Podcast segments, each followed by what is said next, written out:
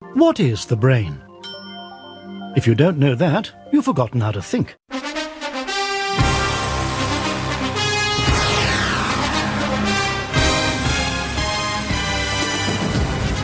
Please ensure you have your copybook at hand, as you'll be asked to take down notes from the screen at various points throughout the program.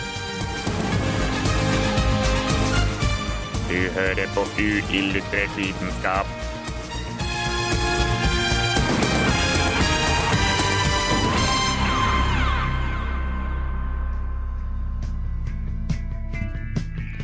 Har du noen gang sittet på eksamen og tenkt faen, hvorfor har jeg konsentrasjonsproblemer akkurat i dag? Hvorfor skal det ta så lang tid å gjøre denne rimelig enkle oppgaven?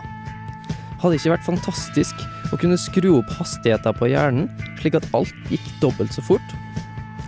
I søken etter det perfekte vitnemålet så finnes det en del studenter som tar i bruk kontroversielle hjelpemidler. Hva det er de gjør, får du vite seinere i denne forrykende utgaven av Radio Revolts populærvitenskapelige alibi, uillustrert vitenskap. Men hvor disse studentene kommer fra, det kanskje noen, kommer kanskje ikke som noen overraskelse. Da skal vi selvfølgelig over dammen til America, og America er også bandet som får lov å starte kvelden. A Horse With No Name.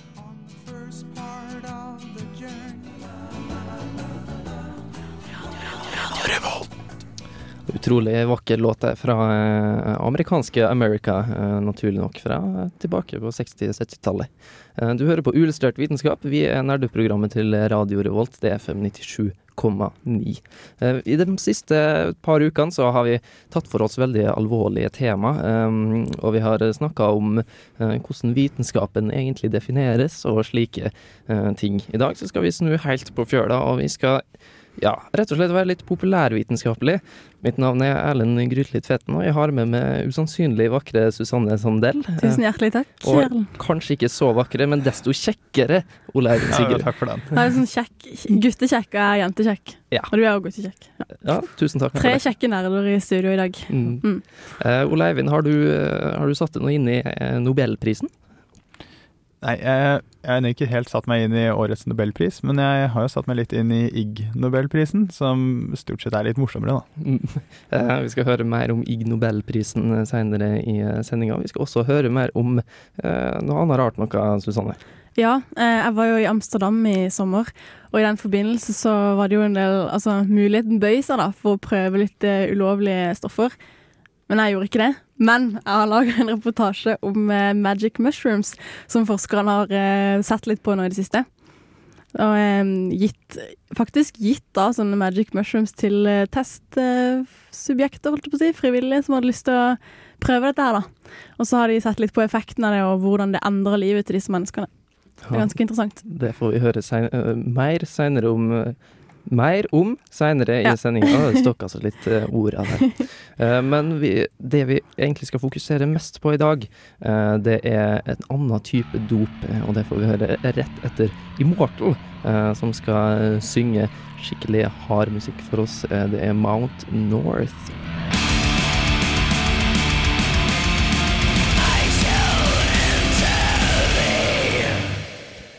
Skikkelig hard metal og populærvitenskap det går eh, sammen som hånd i hanske. Det syns vi her i Uillustrert vitenskap. Ikke alle syns det, men du syns det. Ja, jeg syns det. Åh, fantastisk. Uh, hvis eh, dere som sitter her ute og hører på, har noen spørsmål eller noen kommentarer til oss, så har vi en mailadresse, faktisk. Eh, noen av dere som husker hva den heter? Mm, det er uillvitt. Med to l-er. Ja. Uillvitt, ja. Et uh, radiorevolt.no. Mm, Når vi sier ett, så mener vi krøllalfa. Ja, krøllalfa. Mm. Krøllalfa radiorevolt. Snabela. Punktum. Det er altså da bare å komme med eh, spørsmål eller eh, forslag, eller eh, hvis dere mener at vi tar eh, riv ruskende galt i noen av de tingene vi sier. Kanskje. Vi er bare mennesker. Dere kan sende en SMS også.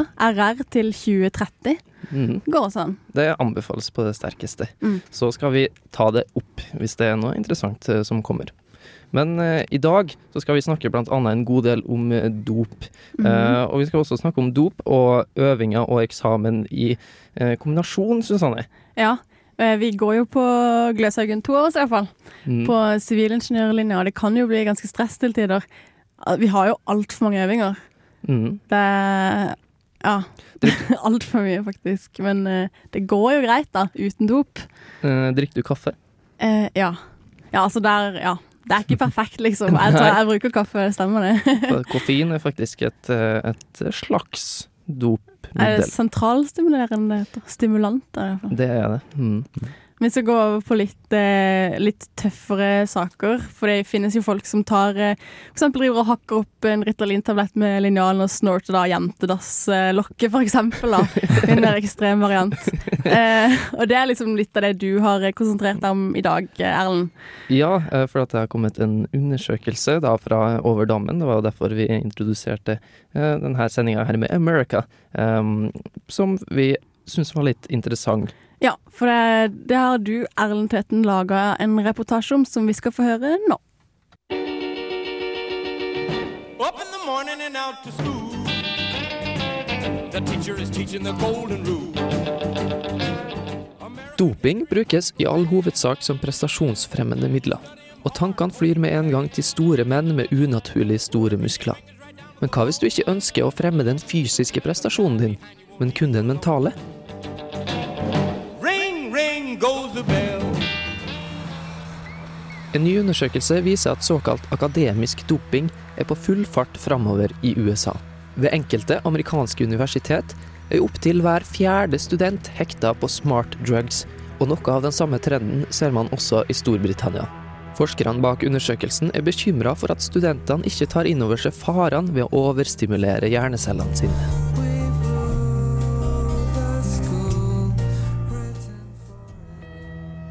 For å forbedre hjernens prestasjoner hjelper det ikke med anabole steroider.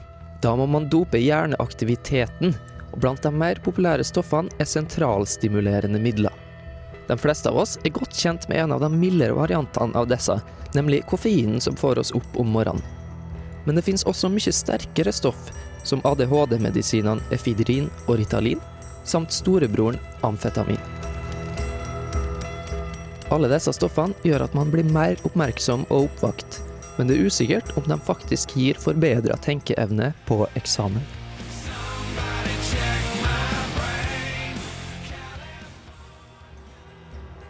Det siste påfunnet på det akademiske dopingtreet i USA er legemidler som vanligvis brukes mot Alzheimer, som f.eks. Aricept. Det blir hevda at disse stoffene kan øke antallet signalsubstanser i hjernen, og i teorien kan man da faktisk tenke raskere.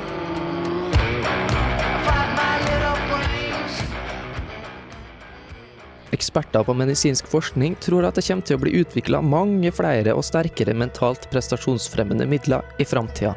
Og ikke nok med det, i praksis vil det være nærmest umulig å håndheve et forbud mot slike stoffer. Så spørsmålet er egentlig i hvor stor grad er framtidas studenter villige til å ofre helsa for å skaffe seg straight A's på vitnemålet? Vi i Uillustrert vitenskap er bekymra for utviklinga.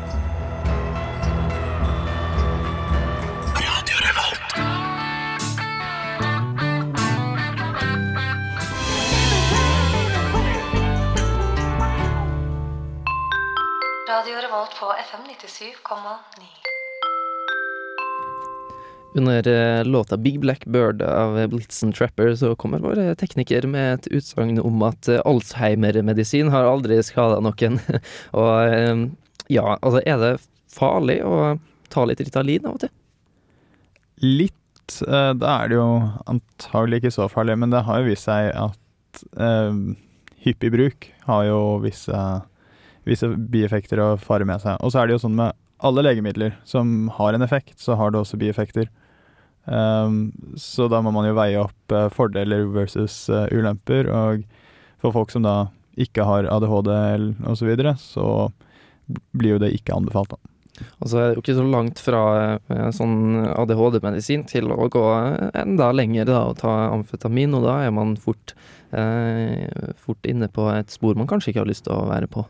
Um, men eh, i forhold til Alzheimer-medisin så kan ikke jeg si eh, helt sikkert om, om det er farlig eller ikke, men hadde har dere turt å bruke dette her? For hvis, hvis dere visste at, at det fungerte Tekniker eh, sitter her og nikker. Ja, tekniker.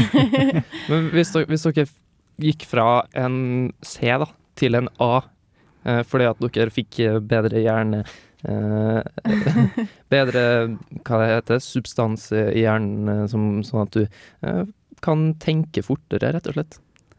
Jeg syns ikke gode karakterer er såpass viktig at jeg vil drive og kjøpe dop for å, for å bli bedre, faktisk. Men jeg er litt mange med det sier jeg. Men for mange så er det jo veldig viktig, og ikke minst hvis man eh, skal ha seg en skikkelig bra jobb senere i livet. Ja. Nei, det er sikkert mange som ville ofra altså, Eller som ville gått på eh, litt Ritalin av og til, og litt Alzheimer-medisin for, å- for å få seg en bedre jobb. For hvis jeg skal bli konsulent og bare må ha A i alt, så sikkert mange som ville gjort det. Men ikke meg. Og når man blir fortalt at det fungerer eh, kjempegodt, så har jeg jo forståelse for at folk tar det. Eh, Men det er jo ikke gjort så mye forskning på eh, nettopp dette. Om man får bedre karakterer ved å bruke det, om det faktisk er veldig effektivt. Og da uten den forskningen, så syns ikke jeg man har noe grunnlag til å ta det. Så ja, jeg ville i hvert fall ikke gjort det. Mm. Uh, amfetamin blant annet brukes jo også i det militære. Uh, blitt brukt av USA blant annet. For at man skal bli mer skjerpa i, i krigssituasjoner. Ja, Så- At de har brukt det offisielt, eller at eh, soldater har tatt det? på- Det har blitt fortalt. eh, Jeg vet ikke hvor offisielle de kildene egentlig er. Det har de nok brukt. Men uh, til gjengjeld så har jo Forsvaret der brukt LSD osv. De har testet ut ganske mye rart. Ja, men uh, vi er altså litt skeptiske her i Illustrert vitenskap. Tenk hvis det blir slik at man på en måte får et press på seg etter hvert til så gode karakterer, og også i tillegg eh, så kommer det stoffer inn eh, i vår bevissthet eh, at det er noen som, eh, som bruker det og bruker det, og det kommer til å hjelpe oss på eksamen og sånn. Eh, Kommer vi til å klare å stå imot, eh, eller kommer vi til å la oss friste? Det er litt vanskelig å tro. Vi følger med på utviklinga og, og eh, ja, litt skeptisk, sånn som vi alltid er i illustrert vitenskap. Eh, men eh, ja, vi får se. Eh, vi skal ha en låt til av Dizzie Rascal. Den heter Freaky Freaky. There's some girls in this house. When you see them, point them out. I'm a some girls in this house.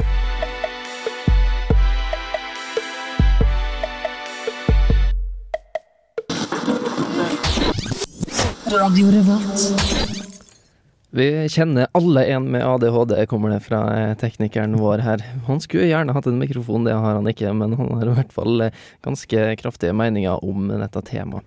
Men vi skal altså bevege oss litt vekk fra dop, selv om vi kommer selvfølgelig tilbake til det senere i sendinga. Det gjør vi alltid. Ja, det gjør vi alltid. Eh, men Ole Eivind, du har gjort noe spesielt i helga. Fortell. Ja, jeg har eh, vært på en eh, skeptisisme- og vitenskapskonferanse i London. Det hørtes veldig nerdete ut. Det er eksepsjonelt nerdete, men eh, kjempegøy. Mm. Um, og bare for å gjøre det litt mindre nerdete, så var Adam Savage fra Mythbusters der og foreleste. Wow. Og da er det i hvert fall noen folk kjenner til. Da. Han er på en måte Jesus. oppe på samme nivå som Knut Jørgen Røde Ødegaard, nesten, han eh, Ja, Adam Savage. Han er høyt oppe, han. Mm. Men der, så, um, som underholdning, så var det en som het uh, Baba Brinkman, som uh, underholdt med um, evolusjonsrap. Evolusjonshiphop. Evolusjonshiphop? Ja. Hva er det for noe? Nei, um, han uh, ja, rappet om evolusjonsteorien, om forskjellige uh, typer utvalg, naturlig utvalg, seksualutvalg osv. osv. Um, så jeg slo av en liten prat med ham om det. nå. Kan vi bare høre på den eh, praten, vi?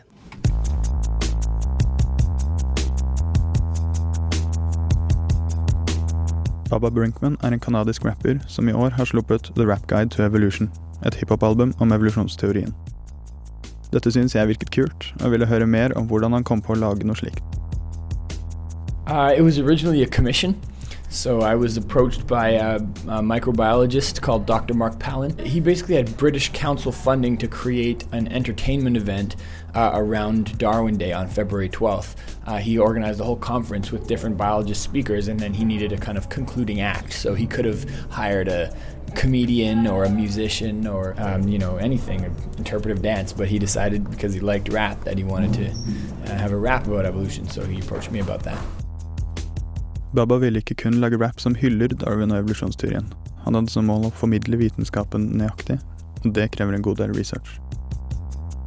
I just got myself a whole stack of books by uh, by Richard Dawkins and E.O. Wilson and Jared Diamond and Sarah Hurdy and Joseph Carroll and you know just everyone that I thought was writing interesting things and explored the theory from as many angles as I could.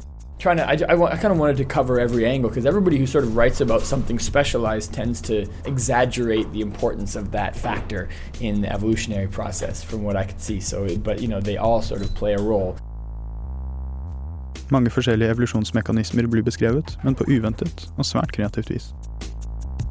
tried to kind of like represent all the different perspectives of different biologists as characters. So the evolutionary psychology character is a is a gangster from a dangerous environment that's talking about the kind of like adaptive mechanisms that he's had to uh, adopt in order to survive like an organism under threat from predators. And the sexual selection person is like sleazy playboy.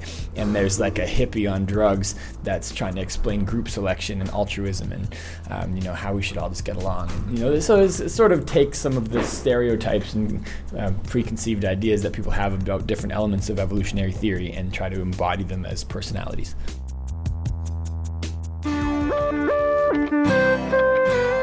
The BrainGate Neural Interface System is an investigational device designed to allow a physically disabled person to increase their independence by controlling a computer with their thoughts. Uillustrert vitenskap. Og Radio Revolt FM 97,9, og vi hørte akkurat eh, Ola Eivind som snakka med eh, Baba Brinkman, eh, som er en evolusjonsrapper. Som, ja, hvor rart det høres ut. Eh, men eh, jeg lurer litt på hvordan så han ut? Tenkte jeg på.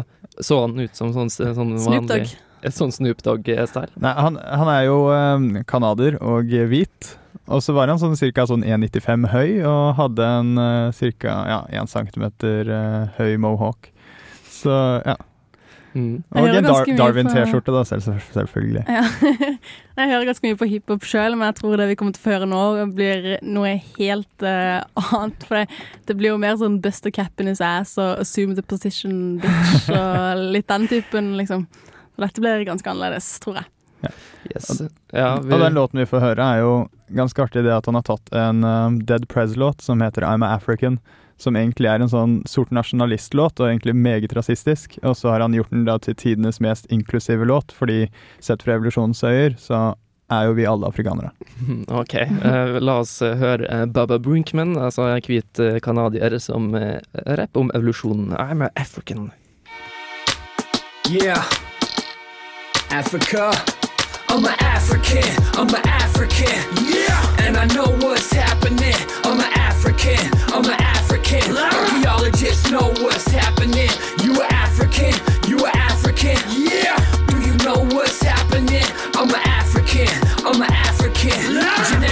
Geneticists know what's happening. No, I wasn't born in Ghana, but Africa's my mama. Cause that's where my mama got her mitochondria. You can try to fight if you want to, but it's not gonna change me. Cause it's plain to see. Africans are my people. And if it's not plain to see, then your eyes deceive you. I'm talking primeval. The DNA in my veins tells a story that reasonable people find believable. But it might even blow your transistors. Africa is the home of our most recent common ancestors, which means human beings are all brothers and sisters. To check the massive evidence of Homo erectus and Australopithecus afarensis in the fossil record, and then try to tell me that we're not all connected. The fossil record has gaps, but no contradictions, and it complements the evidence in your chromosomes. So I came to let you know about your ancestral home. I'm an African, I'm an African, yeah, and I know what's happening. I'm an African, I'm an African. Archaeologists know what's happening.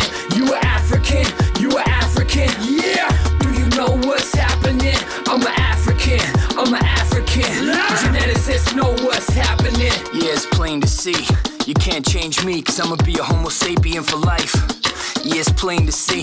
You can't change me, cause I'ma be a Homo sapien for life. Yeah, the red is for the blood in my arm. It runs in the veins of all my cousins from the same African mom. And the black is for the melanin, which I guess I lost. A mutation with benefits that offset the cost, at least in the north. After massive glaciation, my family passed through some adaptive radiations. We started as Africans and then became Eurasians. And then one final migration made us Canadians. But it's back to my origin, cause I understand for every color of man, Africa is the motherland. So I'm coming back, that's my right of return. I'm only speaking the facts, which I invite you to learn. We came from Africa first, Charles Darwin predicted it. Cause that's where modern chimps and gorillas live. So the green is for the envy in the eyes of intelligent design advocates and scientific illiterates. I'm an African, I'm an African, yeah. And I know what's happening. I'm an African, I'm an African. Archaeologists know what's happening.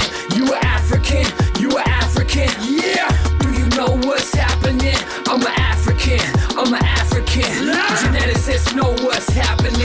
Canada,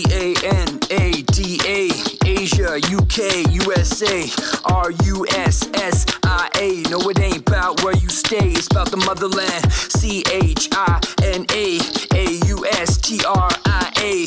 Oz, Tasmania, and Ukraine. No, it ain't about where you stay, it's about the motherland. M O N G O L I A. Saudi Arabia and Kuwait, Sweden, Denmark, and Norway. No, it ain't about where you it's about the motherland. C O L O M B I A. Costa Rica, I N D I A. First Nations in A L A S K A. No, it ain't about where you stay, it's about the motherland. I'm African, I will be a homo sapiens uh, one for the rest of my life. Uh, Baba Winkman uh, som uh, rapper om evolusjon. En fantastisk låt. Mm. Uh, vi har fått en oppmerksom lytter som har sendt oss en uh, e-post om at det brukes amfetamin kraftig i militæret rundt omkring i hele verden. Mm. Og både under andre verdenskrig og Vietnamkrigen og, og andre kriger, så tror man da at det er mye av det her som kan ha ført til at fly, helikopter har styrta og sånn, for at folk er helt utslitt. De tror at de har uh, At de er mer oppegående enn de egentlig er, av amfetaminen. Mm. Hvis du vil sende oss en SMS, så kan du gjøre det med kodeord RR til 2030. Det må du bare gjøre, så skal vi kommentere det etter hvert som sendinga går. Men eh, vi skal gå over og tilbake igjen til dop, etter at vi har gått litt innom evolusjonsrappen. Det er litt forskjellig som skjer her i Illustrert vitenskap i dag. Eh, Og det er du, Susanne, som har tatt for deg litt om eh, sopp. Ja. Og eh, ja, om det kan brukes til dop, og også om det lyser. ja, altså det finnes jo enkelte sopptyper som er selvlysende, har de funnet ut. Mm. Mm. Så kan ikke vi høre litt om det? Det kan vi gjøre. De finnes i Borneo. De finnes i USA. De finnes også i Japan. Og ja, egentlig alle tropiske skoger verden over.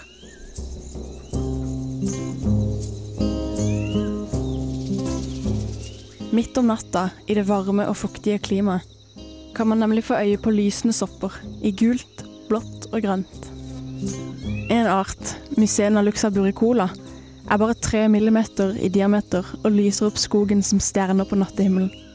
Man har også sopper som lyser mindre kraftig, sånn at man må vente til man har vent seg til de mørke omgivelsene før man får øye på det svake lyset. Jack-o'-lantern-soppen ligner på en kantarell i dagslys. Mange sopper ser rimelig alminnelige ut om dagen, og har lenge vært kjent for forskerne, mens de lysavgivende egenskapene har vært ukjente inntil nylig. I dag kjenner man 71 forskjellige arter som lyser i mørket, blant titusener av ikke-lysende varianter. Dennis Desjardin ved San Francisco State University forteller at det har vært litt av en utfordring å samle inn soppene til inspeksjon ved nattetid. Derfor har mange av de blitt samla inn på dagtid for en inspeksjon i mørket, der man vil finne ut hvilke arter som er selvlysende, og hvilke som ikke er det. Hvilke evolusjonsmessige fordeler kan dette ha? Flere hypoteser har blitt foreslått. Det kan være at det fungerer sånn som blomsterfargene i dagslys gjør, nemlig at det tiltrekker seg flyvende insekter som kan spre soppens sporer mer effektivt. Det merkelige er at det ikke er de sporeavgivende delene, men fordøyelsessystemet til soppen som sender ut lyset. Fenomenet kalles bioluminescens, som er det at levende organismer sender ut synlig elektromagnetisk stråling ved hjelp av kjemiske prosesser. Det at soppens lyskilde er fordøyelsessystemet, kan tyde på at den selvlysende egenskapen bare er en måte å sende ut energi på, akkurat som at cellene våre sender ut varmestråling når vi bryter ned mat. Så selv om selvlysende sopper kan virke særs eksotisk, trenger det ikke være noe annet enn en måte å kvitte seg med overskuddsenergi. En annen ting som er verdt å merke seg, er at soppene som lyser i mørket, ikke er en undergruppe sopper som er knytta nært sammen. Nei, de tilhører mange forskjellige undergrupper av sopptyper over hele verden, som ser vidt forskjellige ut i dagslys. Forskerne har derfor tenkt seg at evnen til å lyse i mørket er en evne alle sopper opprinnelig har hatt, men at enkelte rett og slett har mista egenskapen i evolusjonens gang. Kanskje jeg skrur av lyset neste gang jeg skal lage wok med sjampinjong, bare for å sjekke. Før jeg vet ordet av det, blir sjampinjongen omdøpt til Soppus susannicus, f.eks. Takk for meg.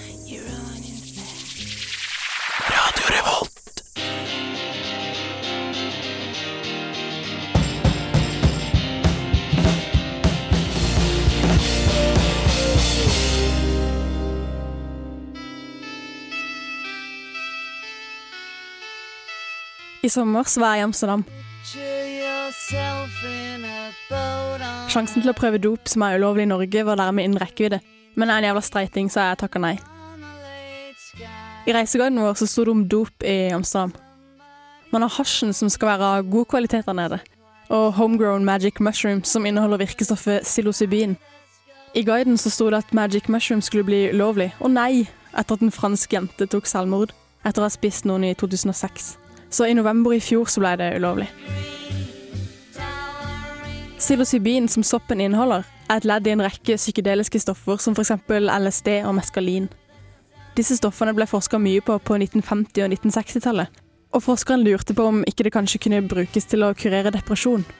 Men et høyt misbruk blant løstøser, hippier og kunstnere førte til at det ble ulovlig, og de siste 40 årene har forskere flest holdt seg unna feltet. Men nå har det faktisk skjedd noen ting. Neurologen Roland Griffiths og hans kolleger ville teste magic mushrooms på 36 amerikanske menn og kvinner. De fleste hadde relativt høy utdanning og var velfungerende. Han ga de psilocybin og lot de ligge på et rom i åtte timer. Og rett etterpå så ble de spurt en rekke spørsmål om opplevelsen. To tredjedeler mente at de hadde hatt sterke lykkefølelser. En følelse av å være i ett med alle ting, og at de opplevde noe utenfor tid og rom. Så ble de kalt tilbake 14 måneder seinere, og de samme to tredjedelene beskrev opplevelsen som en av de viktigste opplevelsene i sitt liv, på linje med å få et barn eller at foreldrene dør. Flere sa at det var det aller viktigste som hadde skjedd i hele livet sitt, faktisk. Ganske sykt å tenke på. Jeg skal i hvert fall aldri spise en magic mushroom.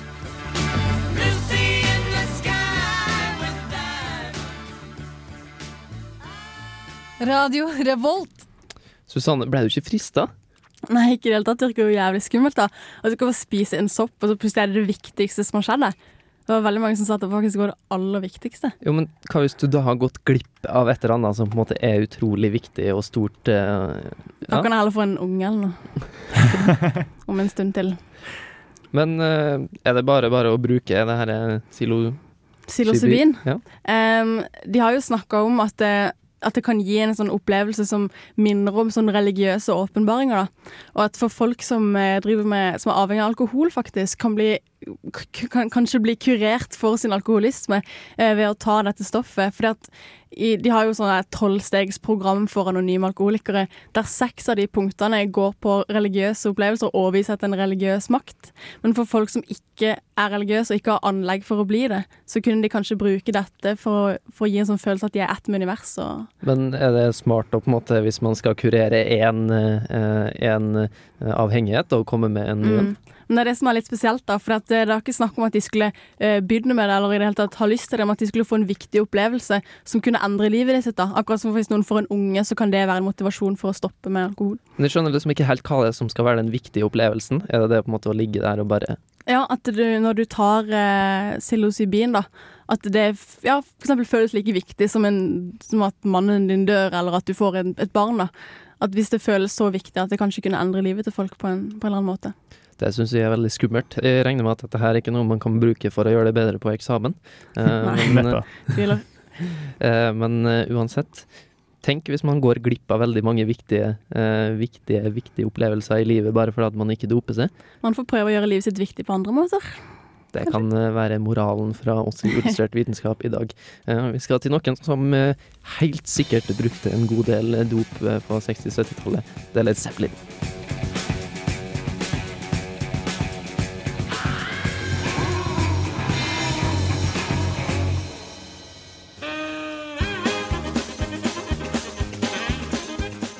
Hvert år i oktober blir det utdelt ti Ig Nobelpriser ved Harvard. Prisen er en parodi på Nobelprisen og blir tildelt forskere som først får deg til å le, og deretter til å tenke. Min favoritt blant årets vinnere er fredsprisen, som gikk til Universitetet i Bern for å ha undersøkt om det er best å bli slått i hodet med en tom eller full ølflaske. De fant at fulle flasker knuste først ved 30 hjuls slagkraft, mens tomme knuste ved 40 hjul. Begge resultatene var over grensen for det som trengs for å skape brudd i menneskelige kraner. Med andre ord må vi anse ølflasker, enten de er fulle eller tomme, som farlige slagvåpen. Eh, hva som blir gitt i nobelpris, det skjønner vi egentlig ikke så mye av her i Illustrert vitenskap, for det er så høy vitenskap at det, ja, det er ofte veldig komplisert. Men Ig Nobelprisen, hva er det for noe, Ole Eivind? Det er jo en parodipris da, som blir gitt ut eh, ved Harvard av uh, The Annals of Improbable Research, som er et som vitenskapelig humormagasin. Eh, og det er ikke bare de her ølflaskene som har eh, fått pris i år, det er andre også. Nei, jeg likte også spesielt godt eh, fysikkprisen, som gikk til eh, noen forskere som hadde hatt en eh, dyptgående analyse om hvorfor gravide kvinner ikke faller over ende. Eh, fordi det er, jo, det er jo en viktig problemstilling i evolusjonen av tobente dyr, da. Viktig forskning. Men nå er det noe sånn at vi her, eh, her i Trondheim har æren av å ha en Ig Nobelprisvinner. Det har I vi. byen.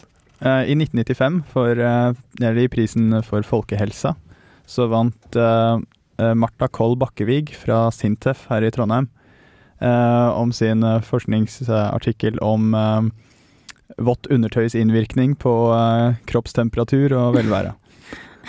De fant ut at eh, det kunne gi en betydelig minkning i kroppstemperatur. Det var eh, greit å vite det, at du ikke bør ta på deg eh, vått undertøy, for at da begynner du å fryse. Hm? Noen som har hørt det før? I don't know. Mattis Yao Struggler. Den har vi spilt før, den er veldig tøff. Du hører på Radio Revolt, studentradioen i Trondheim. Jeg har fått en lytter som mener at det er ikke bare når man tar silobusin at man eh, ligger på ryggen, men det er også når man føder. Så det er litt av samme situasjonene. Jeg, jeg hadde en mistanke om at vi hadde rare lyttere i dette programmet vårt. Jeg føler jeg ble bekrefta nå. Um, uh, vi fikk en mail også, uh, som Ja, handler om magic mushrooms. En oppmerksom lytter som sier at eh, Ja, vi snakka litt om hun franske dama som tok selvmord etter å ha tatt, eh, spist magic mushrooms, da. Mm. Og så ble, da ble hun sopp ulovlig i Amsterdam. Eh, men hun hadde faktisk også drukket seg full før hun tok sopp. Så det var kanskje ikke soppen sin feil. Nei, må ikke alltid skylde på soppen. Alkoholen er like ille. Eh, Mm. Lovte også vår eh, eminente tekniker eh, Pål Olofsson her i dag at, eh, at vi skulle gi, han, gi et litt bedre bilde av han. Det virka som han var en veldig sånn pro eh, alt som har med dop og Ritalin og amfetamin og sånn. Det er han altså ikke. Han bare påstår at eh, han ikke har møtt noen folk som på en måte forteller eh, at eh, nei, han ble så ødelagt i ungdommen da han tok så mye Ritalin. Det fins altså ikke. Eh, vi nærmer oss slutten av Uillustrert vitenskapssendinga. Eh, det er på tide å takke for meg. Jeg heter Erlend Feten. Jeg må takke det Susanne Sandel Ja. og Ole Eivind Sigerud. Eh, det var veldig hyggelig. Neste gang så skal vi høre mer om eh, skeptikerfolka i London fra Ole Eivind. Det blir kult. Nå Isaac Hayes.